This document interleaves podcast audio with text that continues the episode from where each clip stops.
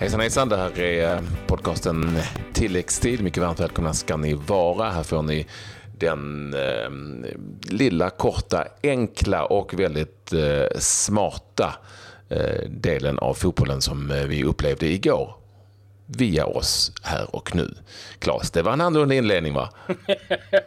den, var, den var fin och intressant måste jag ja. Eh, säga. Men eh, det var en eh, mycket intressant dag också i fotbollsvärlden igår. Hände kanske inte så jättemycket, men Juventus i alla fall vidare till kvartsfinal efter stor, stor dramatik på Wembley. Är det så att Jogi Löw möjligen är den nya managern i Arsenal om Arsène Wenger försvinner? Och så kan det bli att eh, det blir VAR under träningslandskamperna inför VM för det svenska landslaget. Mm, och då är det ju eh, eh video assistant referee som Claes pratar om och inte sånt man kan få i ett sår efter en skada. det, även om en del kanske upplever det som så. ja, exakt. Uh... Vi måste ändå börja prata eh, förstås givetvis om det Champions League-möte vi hade. Vi hade två matcher igår men den andra kan vi lämna därhän. Och det här handlar framförallt givetvis om Tottenham mot Juventus. Det var 2-2 inför mötet på Wembley. Eh, och eh, det var en väldigt intressant match på alla sätt och vis. Och i slutändan så stod den gamla damen som segrare med 2-1. Men det var en match som hade väldigt mycket och var eh, på något vis knappast avgjord förrän domaren blåste i pipan. Nej, det var ju eh, högdramatisk eh, in i det sista och eh, eh för att göra en sammanfattning eh, snabbt innan vi dyker ner kanske lite mer i detalj så var det så att Tottenham tog ledningen och eh, hade då ett ypperligt läge givetvis, men Eh, mål ifrån Iguain och eh, Dybala inom loppet av eh, ja, knappt tre minuter förändrade ju hela matchbilden. Sen hade Tottenham ett par lägen att eh, dra det här till en förlängning, men det blev återigen så då att eh, Juventus eh, stod som vinnare och någonstans sammanfattar den här matchen, dubbelmötet, så här, traditionerna mellan de här två föreningarna. Tottenham befäster sin eh, nästan så här loserklubb. Det är en klubb mm. som är väldigt nära men aldrig riktigt eh, når ända fram. Man spelar bra och man eh, får liksom mycket eh, supportrar, beundran för sättet man spelar. Men man står där till slut utan några titlar. Juventus precis tvärtom. Där handlar allting bara om att vinna och eh, på något märkligt sätt så krånglar de sig ur alla situationer och är det laget som tar sig vidare eh, totalt då med eh, 3-2 efter en eh, riktigt kul match på, på Wembley. Och det var också intressant att höra den fantastiska Giorgio Chiellini efter matchen. Väldigt känslosam intervju för övrigt här på Viasat. Där eh, han ju dels tog upp eh, det väldigt jobbiga och oerhört känsliga att, att spela matchen. Eh, sedan hans eh, före detta landslagskamrat, eh, som ni alla vet, Eh, gick bort eh, här för några dagar sedan. Det här var i första matchen eftersom italienarna inte har spelat något ligaspel. Så det syntes på Chiellini och det syntes på Buffon också inför matchen, men kanske framförallt på Chiellini, eh, att han var verkligen var tagen av de här trista nyheterna och, och spela den här matchen. Men han sa alltså efter matchen, We believed in history. Och då menar han, han nämnde ju det också, att vi vet att Tottenham har misslyckats och att Juventus faktiskt har lyckats. Att Tottenham eh, har fått lida av det. Så att det var med ett sånt ingångsvärde. De dessutom gick in till matchen, in till andra halvlek efter underläge med 1-0. Och in, där de inte hade haft speciellt mycket överhuvudtaget Juventus. Att de visste att det här är ett lag, så får man lite gungning på dem så kommer de att vika ner sig. Och det är lite speciellt att det är ju helt nya spelare jämfört med för några år sedan, men att eh, den historien på något vis kan, kan leva vidare. Ja, men jag såg faktiskt en intervju här med Blaise Matuidi som eh, som, som talar just om att eh, det, det, var helt enormt när han kom. Att eh, var varenda skylt, var man än är, alla bara pratar om en sak. Vinna, vinna, vinna. Vinna, hur vi än gör, det är bara vinna. Från dag ett, glöm allt vi har gjort. Eh, det är liksom gammalt, nu ska vi vinna. Eh, sitt inte där och var nöjd med någonting. Eh, oavsett om vi vinner så får vi skäll för att vi var dåliga. Eh, det här kan bli bättre.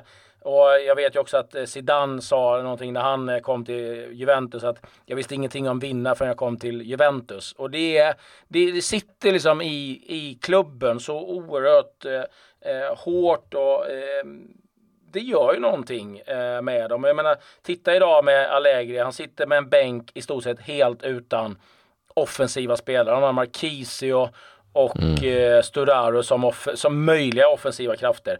Han gör två byten när han behöver göra två mål. Ta in Lichsteiner som eh, inom loppet av sina tre första Champions League-minuter den här säsongen, han var inte ens med i truppen under gruppspelet, eh, är inblandad i 1-1 eh, målet och sen så smäller det igen då.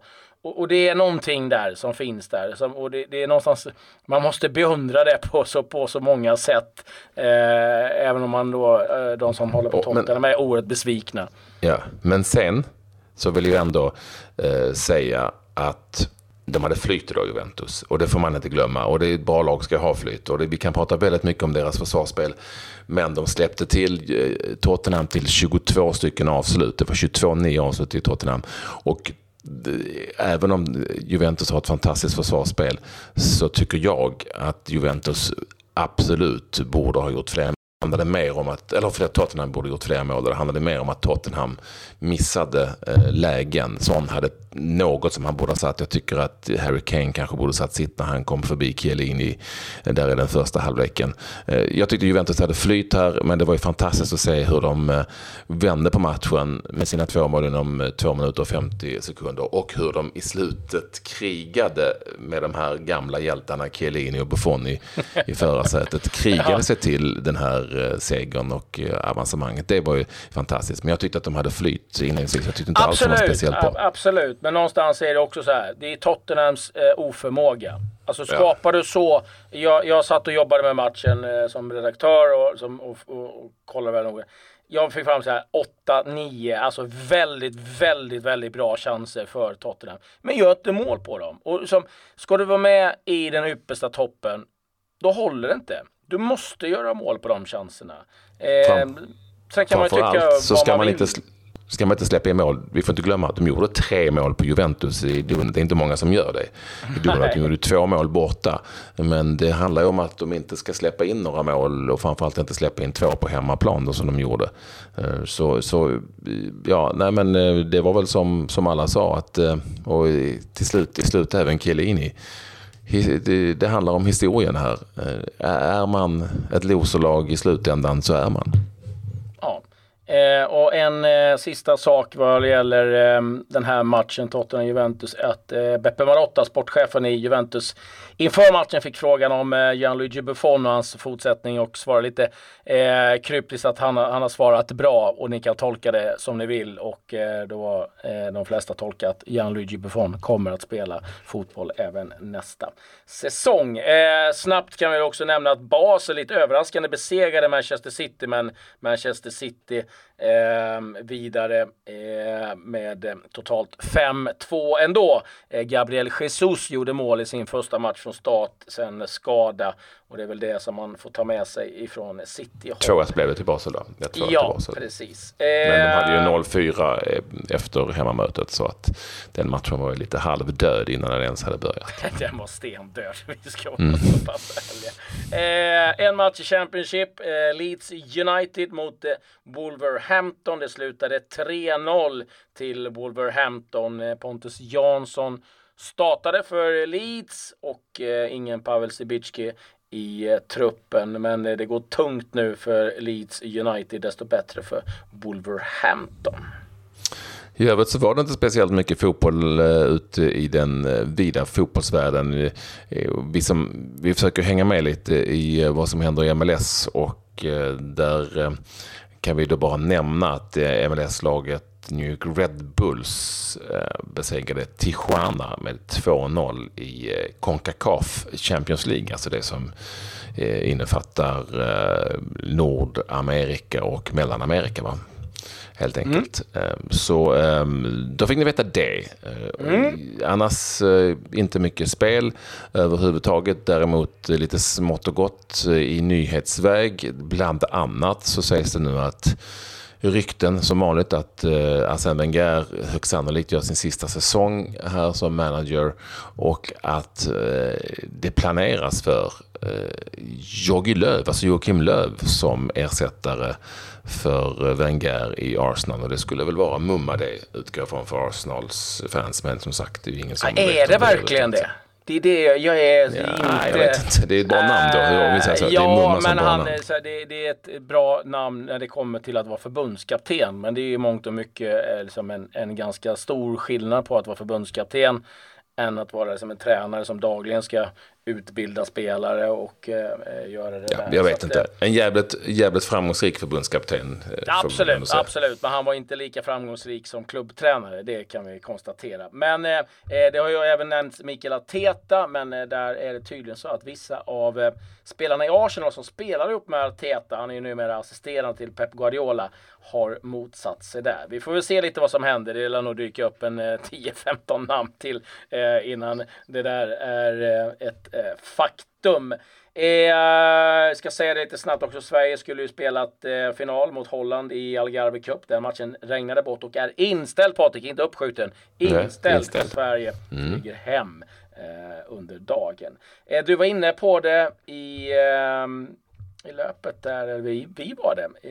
Var, du var det. I träningslandskamperna. Video assistant referee.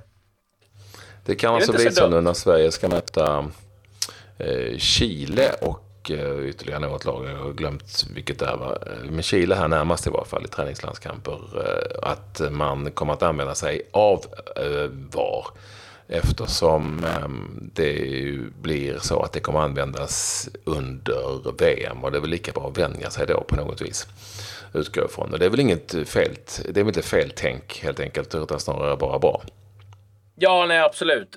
Och ehm, ja, jag, jag befarar att det kommer bli eh, oerhört kaos under eh, VM. Det är liksom få matcher, du har eh, mängder av domare som eh, inte eh, kan vara ganska klara över bara är där för att de är bäst utan det är liksom politik, det är olika världsdelar som ska representeras eller olika eh, förbund och eh, eh, det är språkförbistringar och så ska man då använda sig av ett helt nytt system. Det funkar liksom inte i England, det funkar inte i Tyskland, Italien smärtfritt och de har ändå kört det liksom veckovis och har liksom tränat väldigt, väldigt mycket på det innan. Så att, Ja, be, bevar, bevara oss väl för VM och VAR. Det, det kommer eh, vara eh, mycket drabbningar. Men bra att eh, någonstans lära sig lite grann hur det funkar för alla inblandade. Så det tycker jag är ett bra grepp att eh, För att ta, för att bara ta ett snabbt exempel om vad, hur VAR kan innebära att man inte riktigt vet om man ska blåsa.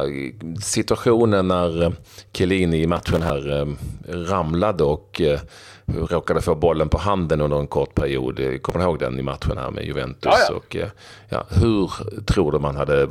Det hade ju hälften kunnat säga att ja, vi vill ha straff och hälften säga nej men det var ju helt omedvetet.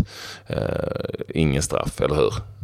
Det, nej, skulle... det, är ju, det, är ju en subjektiv bedömning. Ja, så att det där, där, där spelar ju VAR ingen roll.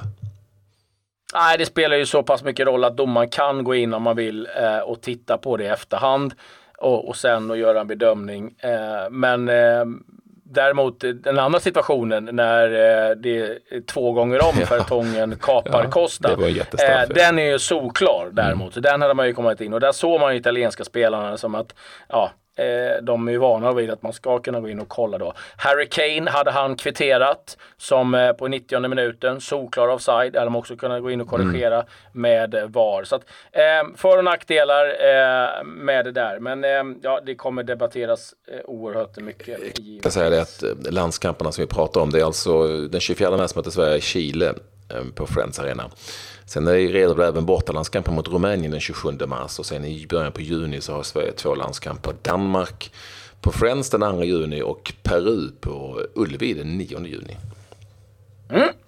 Det ser vi fram emot. Eh, lite övriga nyheter. Jag har två saker jag kan eh, dra. Eh, Ronald Koeman har ju tagit ut sin första landslagstrupp. Sju debutanter, bland annat eh, Justin Klöivet. den eh, unge spelaren, son till eh, Patrik Klöivet. Hade du någonting? Ja, lite allsvensk kort och gott då bara att eh, Hammarby eh, besegrade eh, Västerås i en träningsmatch med 4-1. Som de spelade igår och att vi även har eh, Jönköping Södra. Jag åkte på en liten eh, nyförvärvet Moberg där, skadade borta i två månader. Lite tufft för J Södra. Det är ju inte alls en stock utan det har ju varit i Superettan. Mm. Eh, avslutningsvis då så eh, en liten härlig historia där en ung Liverpool-supporter valde att Eh, Eh, ta sin veckopeng och skänka till eh, ett ändamål där man eh, hjälper till med mat i Liverpool. Det är både Everton och Liverpool supportrar som har gått samman till det här som en slags matbank. Och det här fick Andy Robertson reda på i Liverpool och tyckte att det var ett fantastiskt initiativ av den här unga Liverpool-supportern. Han skickade en signerad tröja till honom och det är ju fint nog. Men det roliga i det här är att han faktiskt skickade Robert Freminos tröja och och eh, som Firmino hade signerat. För han uttryckte det så här att det är väl ingen som vill ha en vänsterbackströja. Och jag vet inte vad Texas Johansson säger om det. Men jag tycker det är rätt skönt och en härlig distans till sig själv att Robertson, ah, jag fixar Firminos tröja, han vill inte ha min. Men äh, ja. just det, det är ingen som vill ha en vänsterback. Så att, äh, det gillar jag. Ja. Och med det så tackar vi för oss. Lyssna på oss igen i morgon tilläggstid. Glöm inte det. Adjø.